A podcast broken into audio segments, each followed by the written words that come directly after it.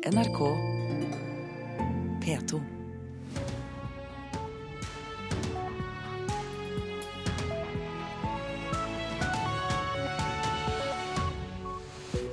Dette er Nyhetsmorgen torsdag 31. juli med Per Arne Bjerke her i studio. Vi fortsetter med disse sakene. Norske kommuner positive til å skaffe boliger til syriske flyktninger. Svensk nazigruppe forsøker å få fotfeste i Norge. USA fordømmer angrep på FN-skole, og Argentina ble ikke enig med sine kreditorer, men regjeringen avviser at landet er konkurs.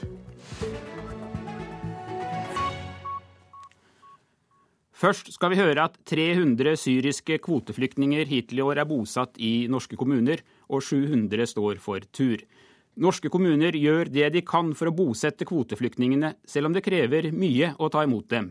Syriske Talal og kona Safa flyttet i juni inn i sin egen bolig i utkanten av Sarpsborg.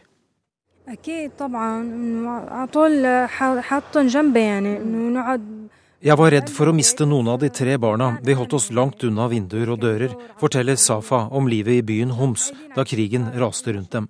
Familien på fem flyktet fra byen, kom etter hvert til Damaskus, men reiste videre til Jordan. Der registrerte de seg som flyktninger i FN-systemet, og det tok to år inntil de i slutten av april i år fikk beskjed om at de skulle til Norge som kvoteflyktninger. Jeg ble glad da jeg hørte at jeg skulle til Norge, forteller Talal, og tenkte at han nå kunne bygge opp igjen alt han hadde mistet i Syria. Kommunesamarbeidet er veldig godt. Kommunene har vært veldig positive til å ta imot. Vi har inngått avtaler allerede med over 700 av disse personene. Det skal bosettes 1000 syrere i Norge i år. Kommunene er mer villige til å ta imot dem enn vanlige asylsøkere, sier assisterende regiondirektør i Integrerings- og mangfoldsdirektoratet, Bente Blytt. Det som vi ser at på, på, mottakene per i dag, så er det mange enslige som sitter, og der har kommunene hatt utfordringer med å finne boliger til de. Når vi har hatt uttakene nå fra syriske flyktninger, så har vi hovedsakelig familier.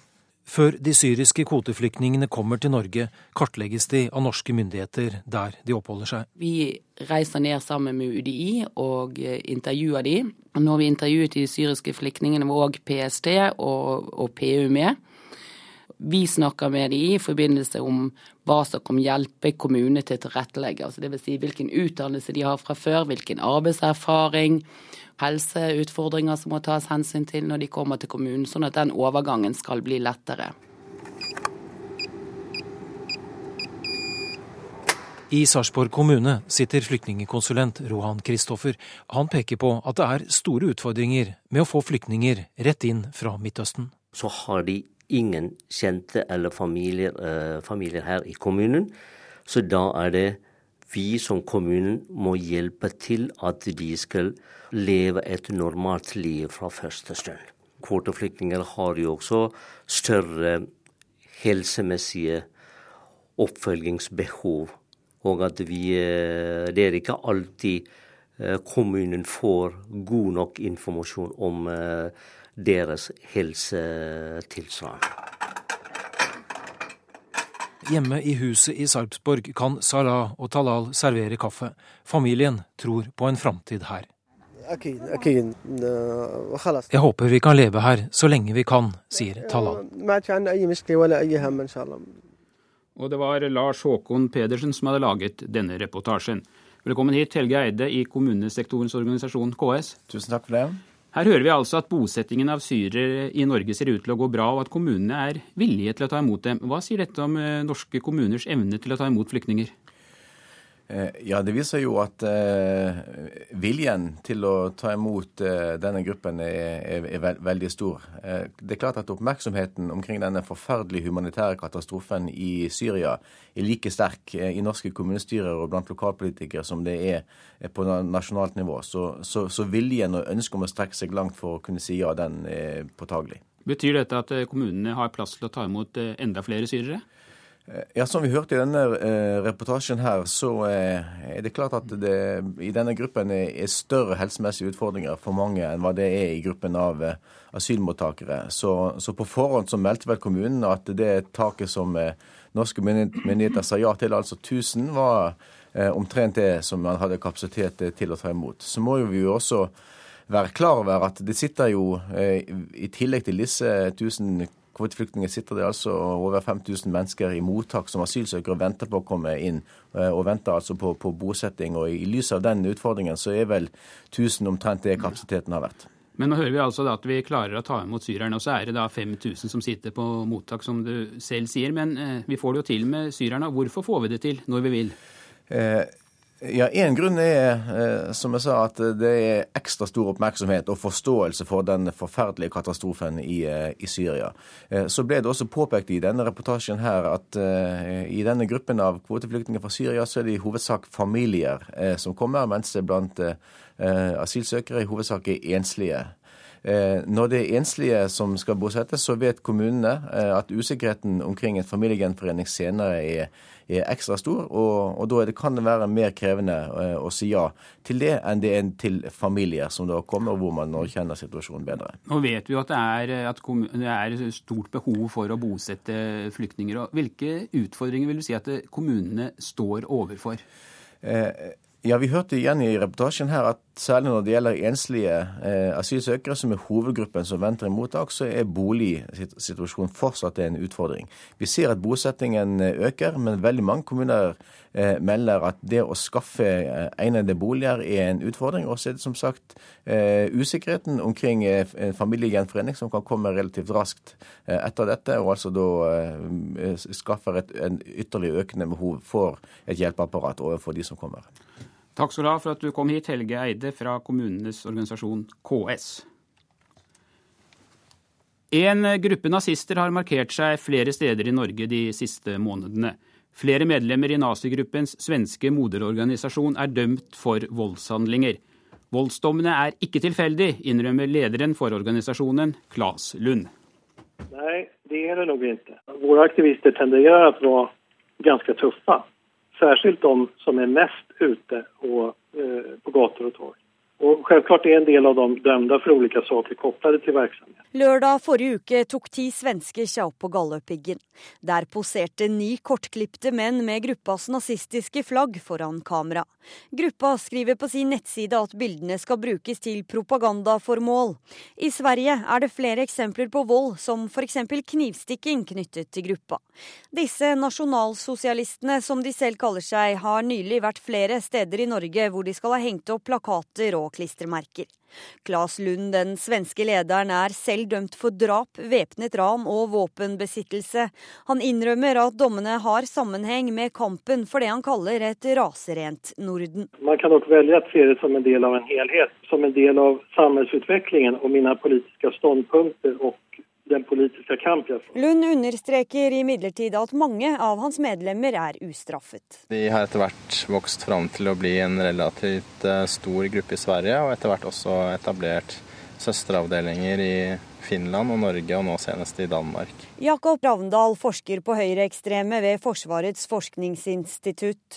Han er kjent med at gruppen også er etablert i Norge, og sier det er grunn til å være på vakt dersom de lykkes med å etablere seg bredere. Som sagt så har de en utpreget militant profil, og med det mener jeg at de fysisk fremviser en vilje til å bruke vold om nødvendig under visse omstendigheter. Den svenske motstandsrørelsen er den mest ekstreme organisasjonen. Det sier den svenske journalisten og forfatteren Anna-Lena Lodenius.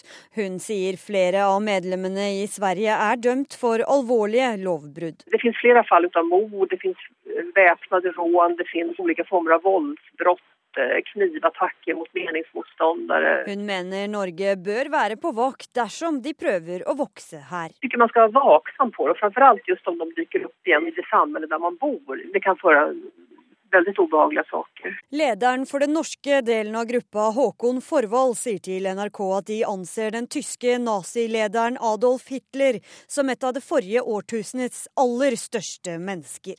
En kriger som kjempet og stred for den ariske rase og Europas framtid. Han forteller også at gruppas mål er et raserent Norden som skal oppnås ved revolusjon. Den norske avdelingen av nazigruppa anslås å telle mellom 20 og 30 medlemmer av flere norske eksperter på høyreekstremisme som NRK har snakket med, mens den svenske moderorganisasjonen skal ha flere hundre aktive medlemmer. Både Forvald og Lund sier at bruk av vold er forbudt, med mindre det brukes i selvforsvar. Reportere her var Margrethe Konstad og Anna Rydland Nærum. Journalist og forfatter Øyvind Strømmen, du har kartlagt og skrevet bøker om høyreekstremistene, og nå er du med meg på telefon. Hva er ditt inntrykk av denne gruppen? Nei, Den norske gruppa er jo veldig liten. Det som er problemstillinga i forhold til den norske motstandsbevegelsen, som de kaller seg, er jo først og fremst den tilknytningen de har til svenske motstandsrørelsen, som er en større, bedre organisert Eh, gruppe, og som er en gruppe som mange ganger har vist at eh, terskelen for voldsbruk er lav. Eh, når det er sagt, så er den norske gruppa ikke preget av den samme organiseringsgraden. Det man har sett en del steder, er at man har vært helt avhengig av svensk bidrag for å få ting til. Og, og det er heller ikke en gruppe som er særlig stor. Ja, terskelen for voldsbruk er lav, som du sier, og vi hørte det jo også i reportasjen. Vil du si at denne gruppen er farlig? For å si det sånn, uh, nynazistisk ideologi er i seg sjøl farlig. Uh, og, og, innebærer i, seg sjøl et voldspotensial. Svenska motstandsrørelsen, som denne organisasjonen her springer ut av, Eh, I tillegg til det en gruppe som har vært godt organisert, og som har tatt i bruk vold eh, ved, ved mange høve. Eh, og noe det har vært retta søkelys på i svenske medier ganske ofte, bl.a. i et Oppdrag granskningsprogram, Svensk Brennpunkt. Og det, det, er grunn til å mene at det, de utgjør en fare. Og Samtidig så er det viktig å ikke overdrive den faren. Dette er en liten organisasjon Eh, og, og, veldig mange høyreekstreme organisasjoner har også en tendens til å ville blåse opp seg sjøl større enn det de er, og gjøre seg sjøl eh, forsøke å fremstå farligere enn det de faktisk er. Nå hører vi her at de arbeider for et etnisk rent Norden. Hva gjør de for å nå dette målet? Det de har gjort i Norge så langt, har jo stort sett vært eh, De hadde en demonstrasjon i Trondheim eh, for et par år siden Eh, der det var stort sett svensker som deltok. Eh, de, hadde, de har drevet med løpeseddelutdeling i postkasser og eh, klistremerkeaksjoner osv. Alt dette her blir jo da formidla med det kanskje litt lattervekkende uttrykket 'kamprapport' på nettsidene deres. De er jo aktive i sosiale medier og har jo måtte, en tydelig, Det ligger en PR-strategi eh, der. Eh, så de arbeider jo for så vidt da eh, i Norge har gjort innenfor med, med ganske ordinære politiske virkemidler. Men det er klart, de forsøker også å skape blest rundt seg sjøl. Denne fjellturen kan en nok lett tolke òg inn i den sammenhengen. Takk skal du ha, journalist og forfatter Øyvind Strømmen, for at du var med oss direkte her i Nyhetsmorgen. Du hører på Nyhetsmorgen, klokka har passert 7.16, og dette er hovedsaker i nyhetene. USA fordømmer angrep på FN-skole i Gaza. Norske kommuner positive til å skaffe boliger til syriske flyktninger. Argentina ble ikke enige med sine kreditorer, men regjeringen avviser at landet er konkurs. Bli med videre, og du skal få høre at norsk pop for tiden domineres av tullete festmusikk. Men eh, først i denne delen av sendingen om krigen på Gazastripen. Odd Karsten Tveit, du er med meg fra Jerusalem. Hvordan har situasjonen vært i Gaza i natt? Angrepene har fortsatt i hele natt, men det er for tidlig. Vi har ikke fått noen tall om nye døde og sårede. Tallet vi har sett nå, er at det er 1361 palestinere, de fleste sivile, har vært drept i disse 23 dagene da krigen har pågått. Nå har vi hørt i morges at USA fordømmer gårsdagens angrep på en FN-skole der minst 20 palestinere ble drept. Har det kommet noen reaksjoner fra Israel på uttalelsene fra Det hvite hus? Den israelske regjeringen har sagt de vil undersøke dette og eh, har ikke sagt noe annet enn det. Men samtidig har USA lovet Israel å etterfølge ammunisjonslagrene. Eh, så Det er en av grunnene til at kanskje Israel er litt forsiktig og ikke kritiserer USA som de har gjort tidligere. Selv om tapene på palestinsk side er langt, langt høyere, så kommer det jo da også daglige meldinger om drepte israelske soldater. Hvilket inntrykk gjør dette i Israel, der du er nå? Eh, de, avisene har bilder av drepte israelske soldater. De siste som ble drept, det var tre stykker i går. Og nå har eh, palestinerne drept 56 soldater. Det er åpenbart harde kamper inne på Gazastripen. Eh, de palestinske tunnelene har skapt store problemer for eh, israelerne. Så det er åpenbart en virkelig overraskelse som israelerne har fått. Og, dette er, tapet på 56 soldater er langt større enn ved tidligere kriger mot Gazastripen. Du nevner dette tunnelsystemet. Nå har israelske militære sagt at det bare er noen dager om å gjøre før tunnelsystemet på Gazastripen er ødelagt. Betyr dette at vi snart kan se slutten på de voldsomme angrepene? Ja, Det er nok mer talemåter at det teknisk sett det er jo politikeren som bestemmer. og I går var det forhandlinger i, i, i Kairo. En israelsk delegasjon var borte. Men vi har ikke fått noen nye rapporter om det er noe fremgang ellers på det diplomatiske nivået. Ok, Takk skal du ha, Odd Karsten Tveit, for at du var med oss også i morges, denne gang fra Jerusalem. Argentina ble ikke enig med sine kreditorer under et krisemøte i New York i går kveld. Etter amerikansk lov er landet dermed konkurs, men argentinske myndigheter bestrider dette. Vi vil bruke alle midler for å redde landet fra denne krisen, sier den argentinske økonomiministeren. Vi er ikke konkurs, for konkurs betyr at man ikke betaler for seg. Men vi har betalt våre kreditorer punktlig i snart ti år. Det som nå skjer, er at amerikanske fond, det jeg vil kalle gribbefond, ødelegger alt fordi de vil ha mye mer enn de andre. Jeg møtte disse folkene i dag og ba om en utsettelse, sier Argentinas økonomiminister Aksel Kisiljov. Gribbefondene vil ikke gi oss noen utsettelse. De viser til dommen i amerikansk høyesterett som gir dem medhold i at de har rett på full tilbakebetaling med renter. Disse fondene utgjør bare 7% av alle våre kreditorer, og hvis vi betaler dem, vil de andre 93 kreve samme behandling. Og det er langt mer enn vi kan betale, sier økonomiministeren. Det er det økonomiske sammenbruddet for snart 13 år siden som er bakgrunnen for dagens krise. Den gang ble landet rystet av voldsomme opptøyer og millioner av mennesker ruinert. Men gjennom to runder med gjeldssanering er det meste av gjelda betalt. Nå er altså landet i en ny konkurssituasjon, og økonomiministeren sier det er umulig å innfri det nye gjeldskravet. Eso no se puede.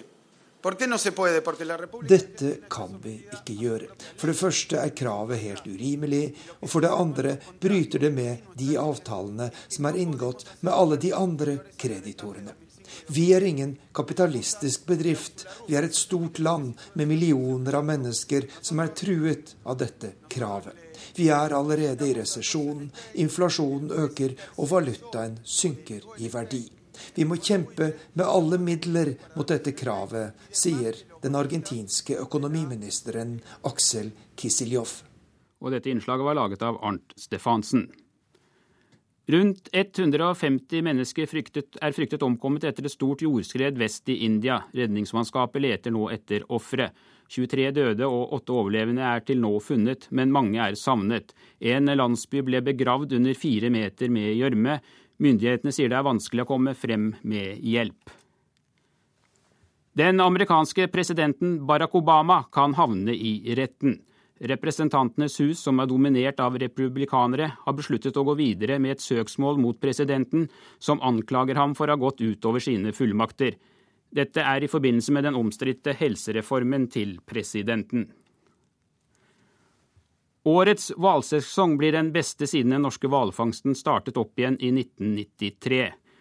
Arvid Johansen i Norges Råfisklag har god tro på at de vil passere 700 dyr i årets sesong.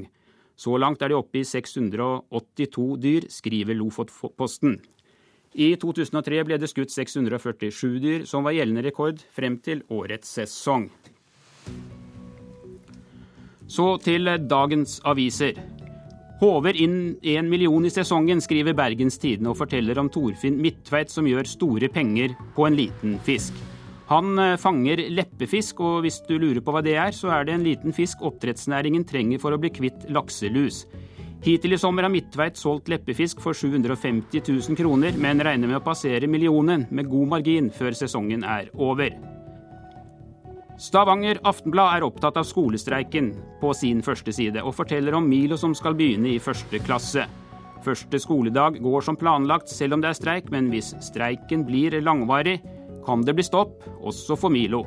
Hvilke kommuner og hvilke skoler som blir rammet av streik er ikke klart, men det er sannsynlig at store byer som Stavanger og Sandnes blir tatt ut, sier lederen i Utdanningsforbundet i Rogaland til avisen. Lederen i Norske Penn, William Nygaard, er bekymret over meldingen om at flere palestinske journalister er drept i målrettede angrep mot Gazastripen. Dette sender ut et signal om at Israel frykter sannheten, sier Nygaard til Klassekampen. Hvis det skulle vise seg at stridende parter går til målrettet angrep mot den frie ytring og uavhengige journalister, så er det noe som ikke kan aksepteres, sier Nygaard. Mange aviser skriver om Ninni Stoltenberg som døde denne uka.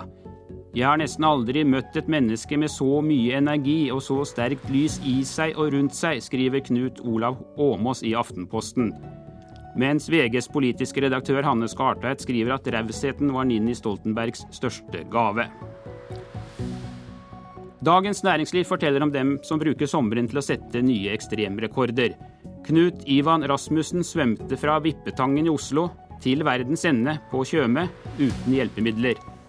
Mens Hallgeir Martin Lundemo nådde 56 fjelltopper på 70 timer. Hadde det blitt arrangert skiløp fra Nordkapp til Lindesnes, er jeg ikke sikker på at Petter Northug hadde slått meg, sier Lundemo til avisen. Nasjonen opplyser at det skytes færre rovdyr enn før, og bøndene er bekymret. Rovdyrforliket har skapt ro i Stortinget, men ikke i skogen og på fjellet sier lederen i Norsk sau og geit, Tone Våg, til Nasjonen. Norsk partymusikk om damer, alkohol og sex er mer populært enn noen gang. Musikken topper hitlistene og har flere millioner avspillinger på strømmetjenestene. Suksessen skyldes i hovedsak musikkvideoer som deles på nettaviser og sosiale medier, mener musikkskribent. En av dem som lager denne festmusikken, er Stian Torbjørnsen. Halla. Halla. Øl, eller? Jeg takker ikke nei til det. det er jeg med. Stian Torbjørnsen, tidligere Paradise Hotel-vinner, nå artist, kommer slentrende inn i et mørkt musikkstudio med øl i posen og et glis om munnen. Jeg vil beskrive sjangeren jeg opererer i som eh, veldig uhøytidelig og samtidig en slags gøypop. Sammen med kompisen Lasse utgjør de duoen Staysman og Lass. Og sånn høres det ut. Hun er bleik, hun er sur, hun skal på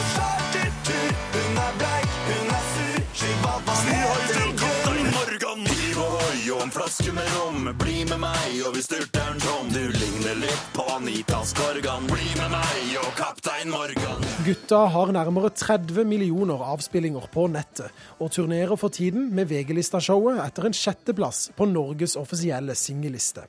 Foran tusenvis av tenåringer fremfører de sanger om alkohol, damer, sex og fest. Er det noe som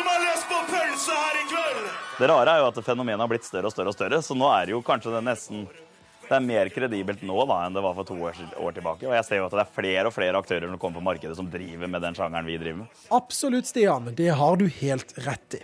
Dere er ikke alene i denne halvtullete partysjangeren. Vi har f.eks. DJ Broiler. Eller låta som nå topper VG-lista i Norge og har gjort det stort internasjonalt, nemlig Anders Nilsens Salsa Tequila. Salsa, tequila, Det er jo det er et interessant fenomen, og det at den har blitt så dominerende. Det sier frilansskribent og kritiker Aksel Kielland. Han skrev tidligere denne uken en kronikk på NRK Ytring hvor han beskriver Norge som russeluelandet. Et land der russeaktig musikk nå er blitt det som i hovedsak beskriver norsk pop. Man hadde en VG-liste nå nylig med Ikke bare var det liksom, topp tre-plasseringen var norsk, men du hadde også da inne på topp ti sånn to-tre av denne typen låter. Han mener sjangeren nå har blitt så stor pga. musikkvideoene som blir delt på nettaviser og sosiale medier. Musikkvideoen har overtatt for radiospilling som den landeplageporten, på en måte. Portvakten for landeplagestatus. Mm. Ja. Tilbake i studio hos Staysman og Lass. Er det så big deal at de hører på tekster om drikking og festing og ligging? Altså, det er jo ikke verdens undergang, det. Det er mange andre ting her i verden som er mye, mye verre. Reporter Christian Ingebretsen og hele kronikken til Aksel Kielland om russeluelandet kan du lese på nrk.no. Unesco blander seg inn i innspillingen av den nye Star Wars-filmen. Deler av filmen blir nemlig spilt inn på en irsk øy midt i hekkesesongen til mange fuglearter. Det har fått lokale ornitologer til å protestere. Øya står også på Unescos verdensarvliste, og nå har FN-organisasjonen bedt den irske regjeringen orientere om hvordan innspillingen foregår, skriver BBC. Dette er Nyhetsmorgen i P2 Alltid nyheter. Produsent i dag Vidar Eidhammer. I reportasjen etter Dagsnytt kan du høre at lærerne på amerikanske skoler bevæpner seg. Om noen uker begynner et nytt skoleår. Og det blir debatt om norsk flyktning- og asylpolitikk. Fremskrittspartiet møter SV kvart på åtte. Og så skal vi innom Unge Venstre, som har sommerleir i Arendal. Nyhetsmorgen fortsetter straks med Dagsnytt. Her i studio, Per Arne Bjerke.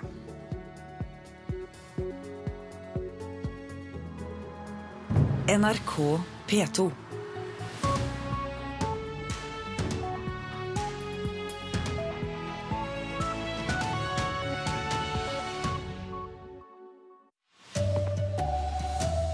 Norske kommuner er positive til å ta imot syriske flyktninger.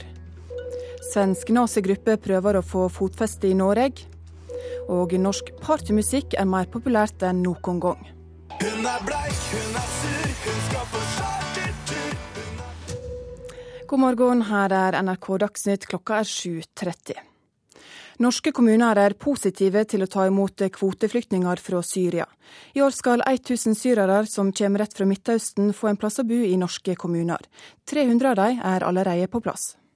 Kommunesamarbeidet er veldig godt. Kommunene har vært veldig positive til å ta imot. Vi har inngått avtaler allerede med over 700 av disse personene.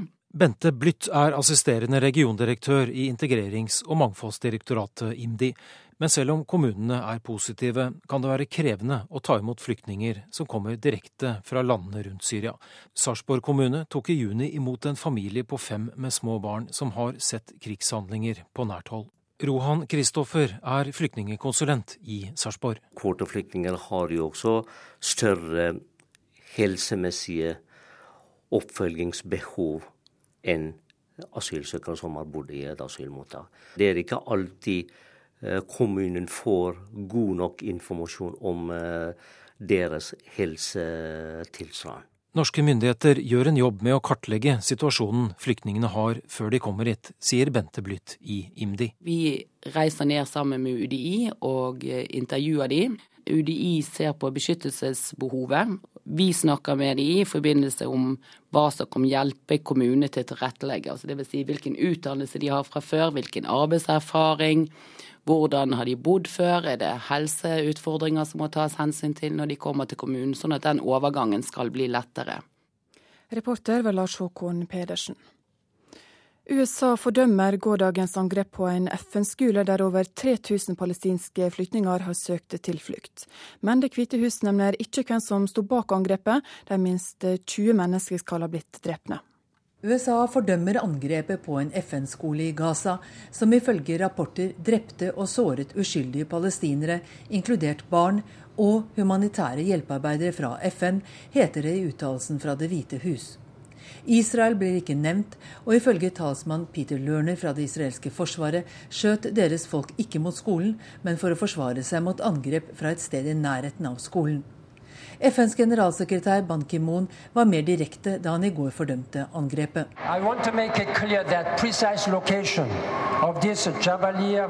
Jeg vil gjøre det klart at vi hadde fortalt Israels militære myndigheter om den presise beliggenheten til denne jenteskolen i Jabalia 17 ganger, sa Ban Ki-moon. FN hevder at det ikke finnes Hamas-raketter skjult på skolen, som nå rommer over 3000 flyktninger. I går bekreftet USAs forsvarsdepartement at landet har solgt ammunisjon til Israel etter en forespørsel fra landets regjering tidligere i juli. Ammunisjonen kommer fra et amerikansk reservelager på israelsk territorium. Groholm, Washington. Og I ettermiddag skal FNs tryggingsråd møtes igjen for å diskutere situasjonen i Gaza. SFO-tilbudet kan ikke utvides under lærerstreiken.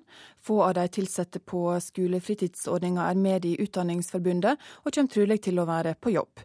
Men å tilby ungene mer tid på SFO under en streik vil bryte spillereglene. Det sier kommunaldirektøren i Trondheim. Det nærmer seg skolestart, men skolebarna kan møte lukkede dører. For Utdanningsforbundet har meldt at flere tusen lærere kan bli tatt ut i streik.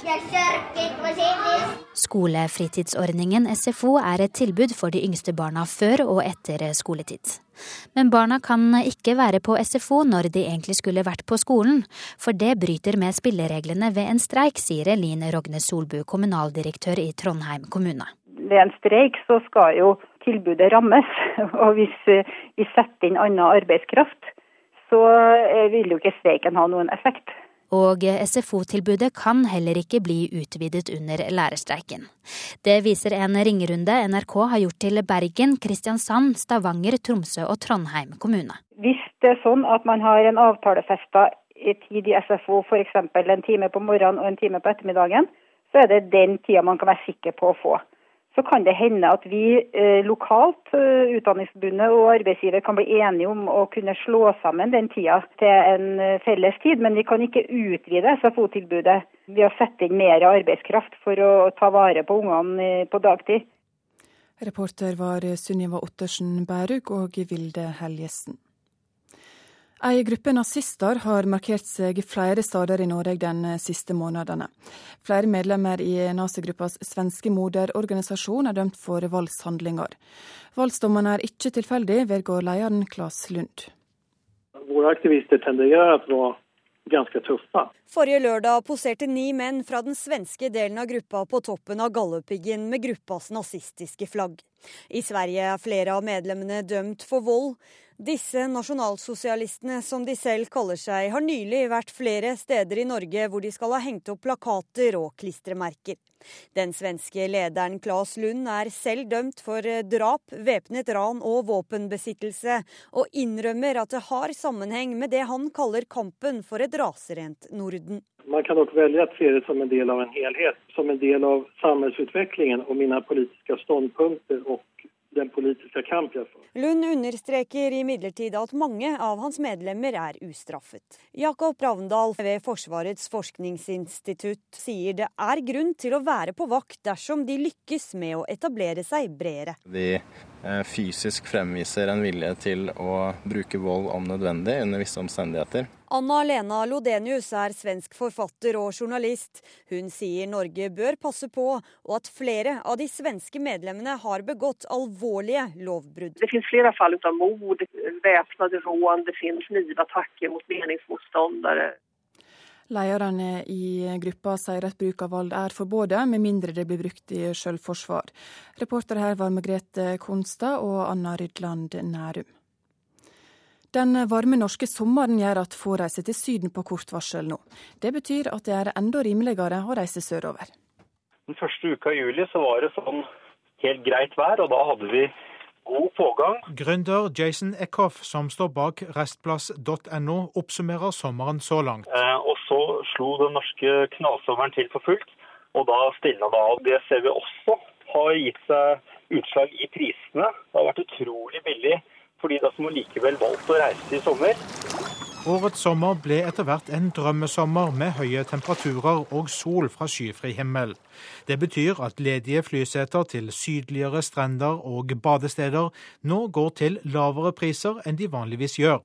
Kommunikasjonsdirektør i reisebyrået Berg-Hansen, Anette Maltun Kofod, sier den norske supersommeren ser ut til å ha trigga et ønske om enda mer sol. Det er eh, veldig mange som har ringt oss for å få planlagt eh, høst- og vinterferien. Så kan virke som eh, den sol og varme vi har fått nå i sommer, gjør at man vil ha enda mer sol og varme. Reporter i dette innslaget var Knut Knutsen Eigeland. Norsk partymusikk om damer, alkohol og sex er mer populært enn noen gang. Suksessen skyldes musikkvideoer, nettaviser og sosiale medium, mener en musikkskribent. Stian Torbjørnsen er en av de som lager musikken.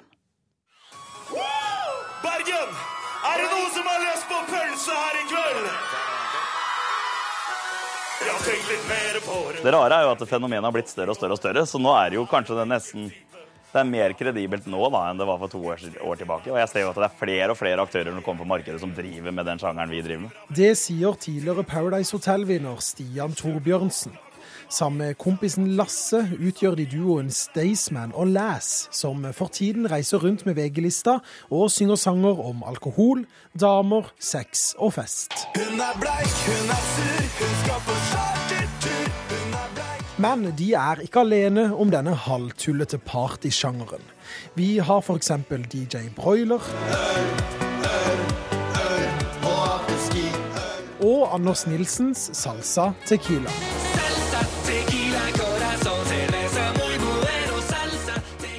Det er jo et interessant fenomen, og det at den har blitt så dominerende. Det sier frilansskribent og kritiker Aksel Kielland. Si hei til kaptein Morgan!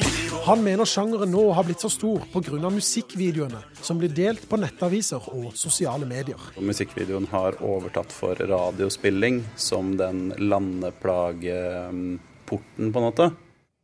Og En kronikk om dette kan du lese på nrk.no. Reporter var Christian Ingebrigtsen. Ansvarlig for denne sendinga er Kjartan Røslett. Det tekniske ansvaret har Hanne Lunås. Her i studio, Ingvild Ryssdal. Klokka er 7.40 og først i denne delen av Nyhetsmorgen til USA. Også der begynner skoleåret om et par uker, og da vil det være flere bevæpnede lærere enn noensinne. I wish to God she had had an M4 in her office locked up so when she heard gunfire, she pulls it out and she didn't have to lunge heroically with nothing in her hands, but she takes him out, takes his head off before he can kill those precious kids. Vi hørte den republikanske kongressmannen Louis Gomer. Opptaket er fra desember 2012. En ny skolemassakre har sjokkert USA President Obama har talt til folket. Han sier at dette må ikke skje igjen, og at USA må bli endret. Republikaneren Gommert vil også ha endring. Som vi hørte, vil han at lærerne skulle ha tilgang til automatvåpenet M4, så de kan blåse hodet av folk som truer elevene. Etter det har mye skjedd. Gun! Gun! TV-selskapet CBS er i Missouri. Det er et par uker igjen til skolene åpner for høstsemesteret, og en gruppe lærere trener på det Gomer ville, å blåse hodet av folk. Ikke med M4-karabiner, men med 9 mm-pistoler. Lærerne får ikke lov til å vise ansiktene på TV. Våpnene skal de bære skjult. Ingen på skolene, bortsett fra rektor, politiet og skolerådet, skal vite at akkurat disse lærerne er bevæpnede. I'm from a rural school and the response time is so slow to get any law enforcement help. I felt it was important if I was able to help and do something to protect our kids. Læreren, som er anonym i TV-opptaket, sier at politiet vil bruke lang tid på å dukke opp. Derfor ønsker han å bære et våpen. Men det er ikke bare i det relativt landlige Missouri lærerne nå flokker seg til våpenskolene. Siden tragedien ved Sandy Hook barneskole i desember 2012 har ni stater vedtatt lover som åpner for våpen i klasserommene. Ikke alle steder må lærerne få trening før de kan ta med våpen i klasserommet, men i Missouri er det påkrevd. Og det er intensive 35 timer for å bli godkjent, sier instruktørene. We make it as realistic as possible because uh, in the event that that happens, God forbid, we want them to be ready. Get down!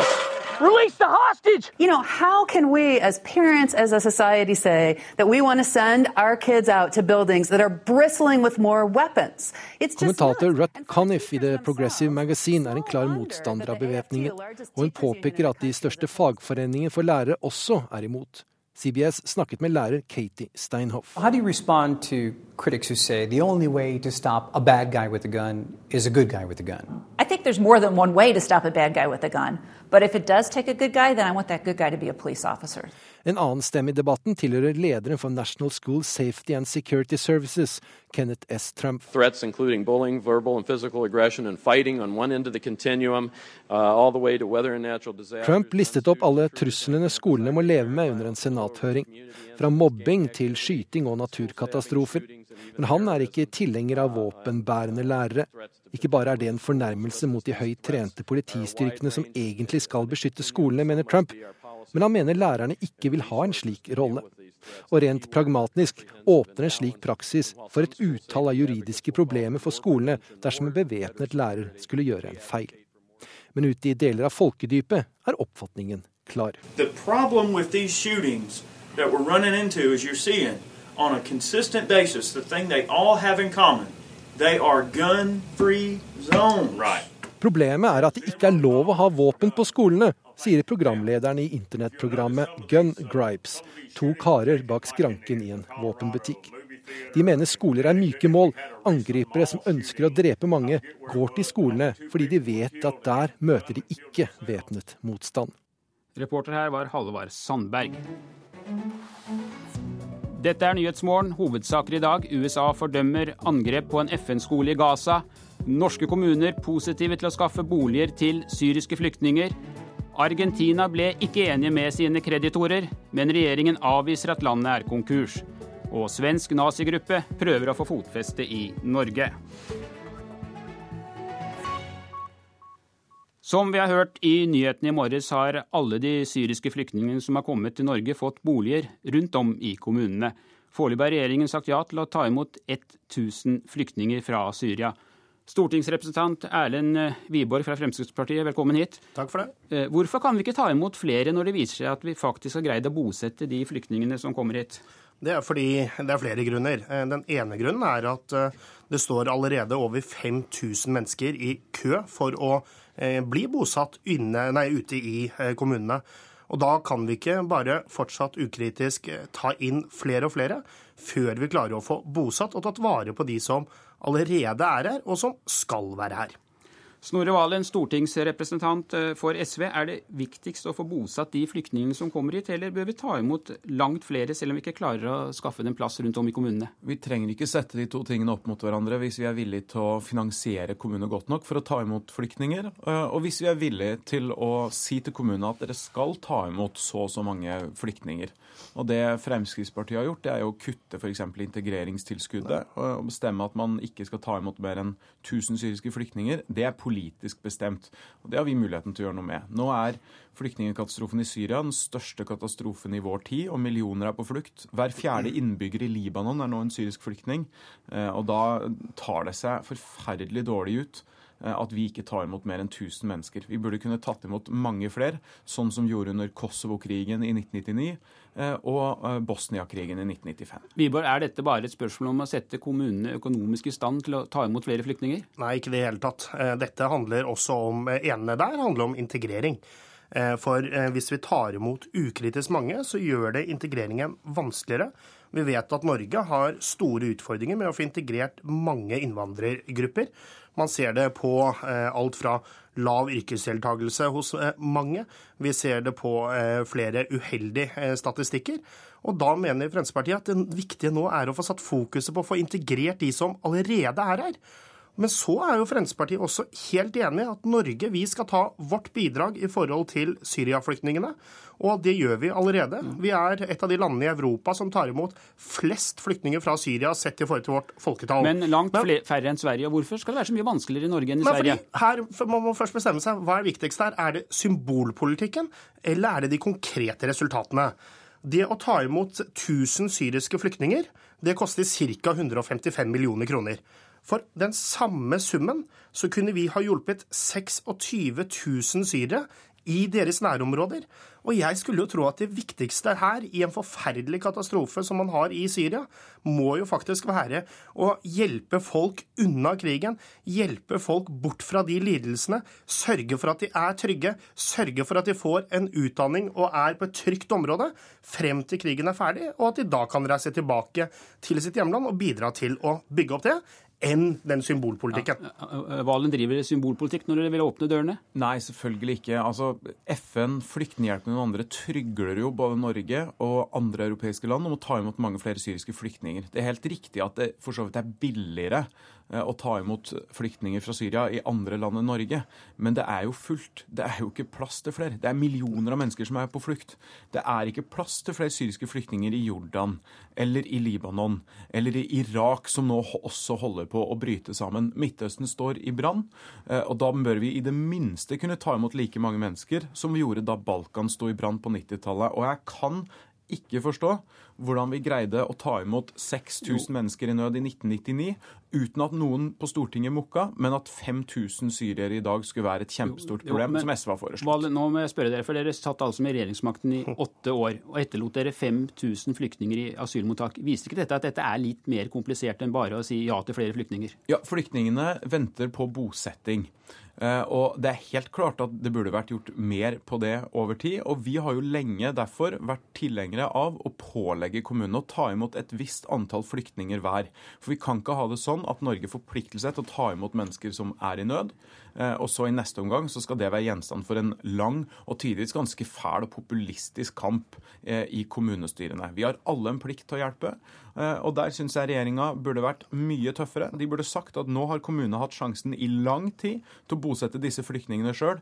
Nå er tålmodigheten slutt. Dere skal ta imot disse flyktningene, og dere skal få kompensert for det. Jeg syns det er ganske frekt, Snorre Valen, at du og SV her kaller lokalpolitikerne i Norge for lettvinte populister. Jeg kaller Frp-politikerne lettvinte populister. Og fordi det, det det handler om her, er at vi har mange dyktige lokalpolitikere fra mange partier i Norge som jobber jobber dag og natt med å kunne gi det beste tilbudet til sine innbyggere.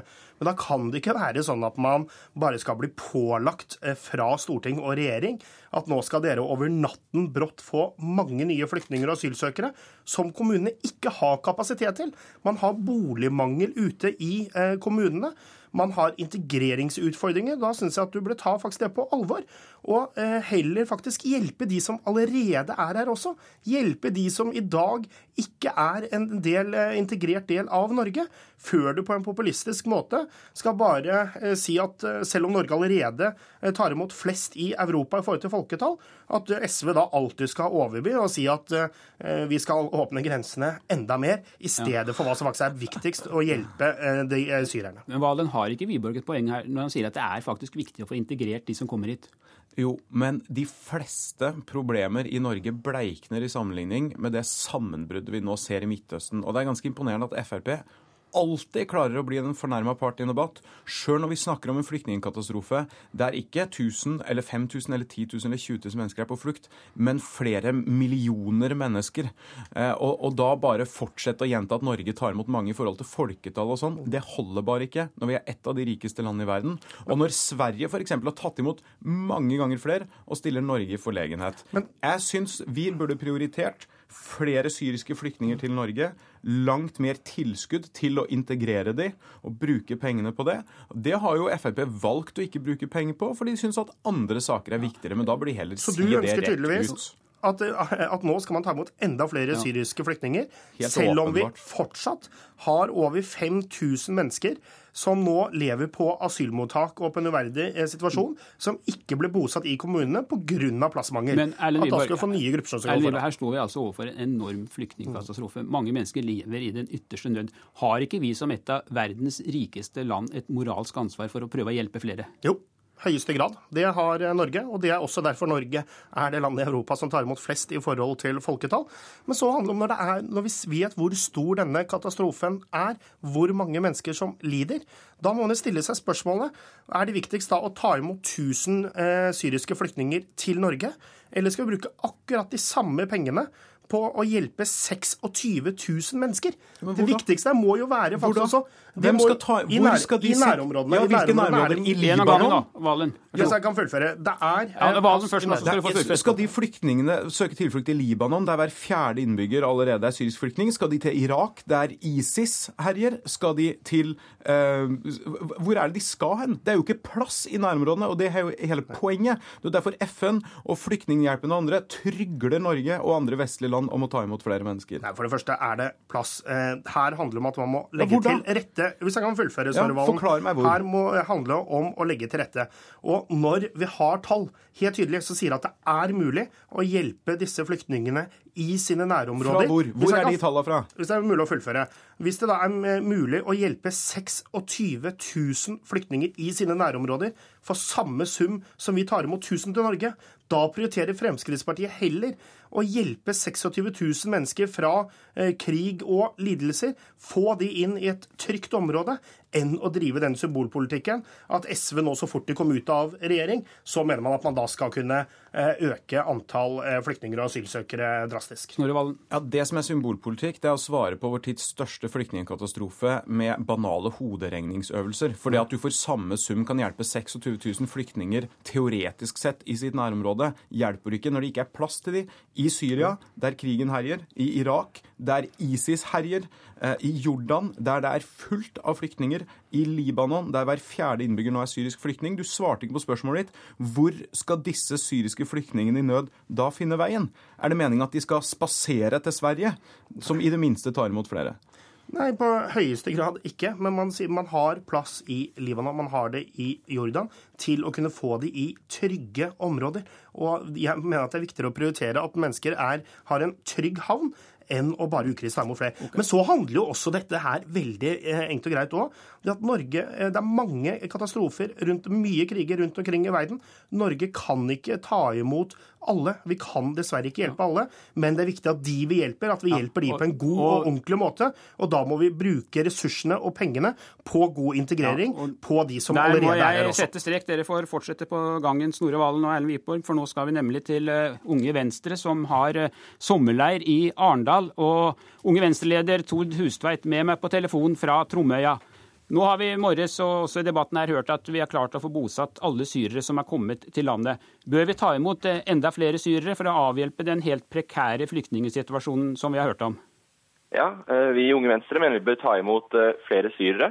For det som skjer i Syria i dag, det er vår tids største katastrofe. Det er et nytt Balkan.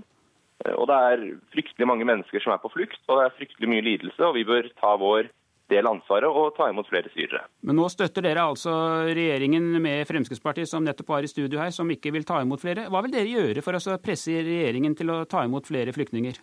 Nei, Det som blir eh, viktig nå fremover, er jo statsbudsjettet. Og for Unge Venstre blir en av de viktigste sakene her at man får gjort mer for å hjelpe Syria. Eh, Og én ting er at vi må få gitt mer, tatt imot flere flyktninger. Men det er også viktig at vi får hjulpet de som er der. Eh, I Syria så har man nå fått et utbrudd av polio, som i utgangspunktet var utdødd. Man ser at det vokser opp en generasjon som ikke får utdannelse. Eh, Og alle de tingene er ting vi må jeg mener vi har et ansvar for å gjøre noe med, og hjelpe syrerne som nå lider. Venstres ungdomsorganisasjon er altså samlet hele denne uka, og i en tale på sommerleiren i går så sa partileder Trine Skei Grande at Venstre vil definere frihet som noe helt annet enn det regjeringen gjør. Hva er frihet for deg?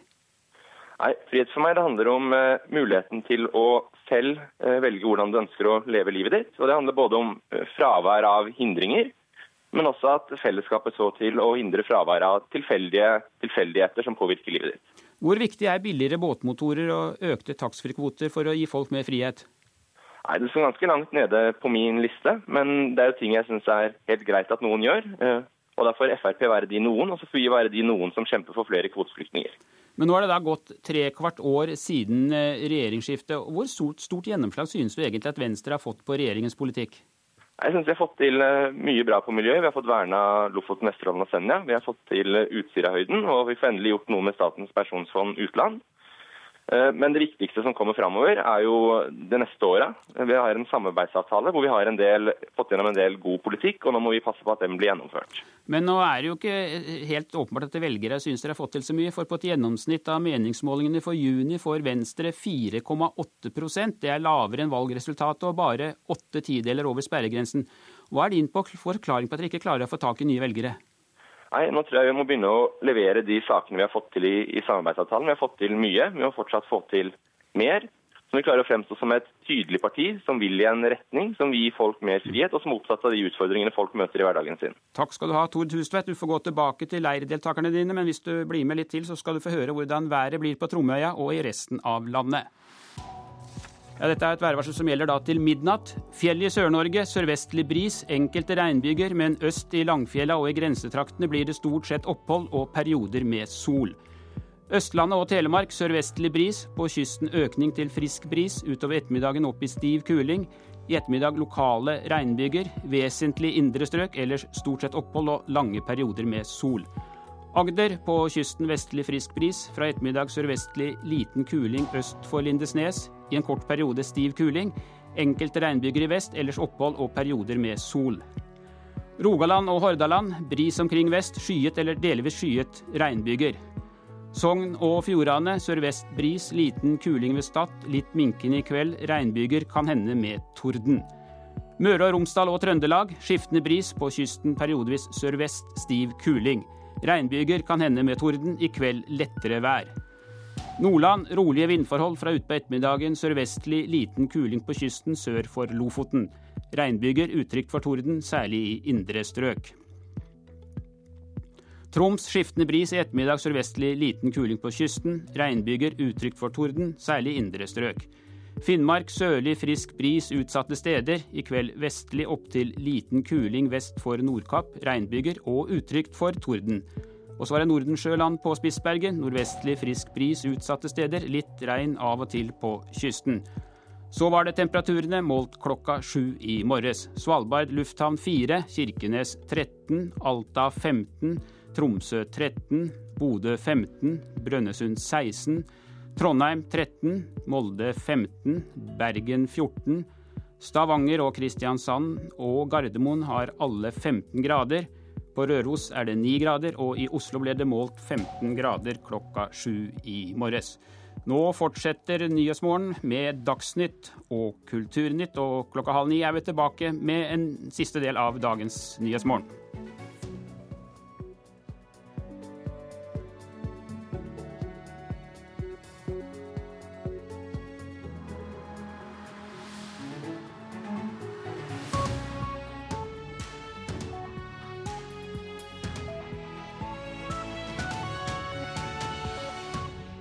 Hør flere podkaster på nrk.no podkast.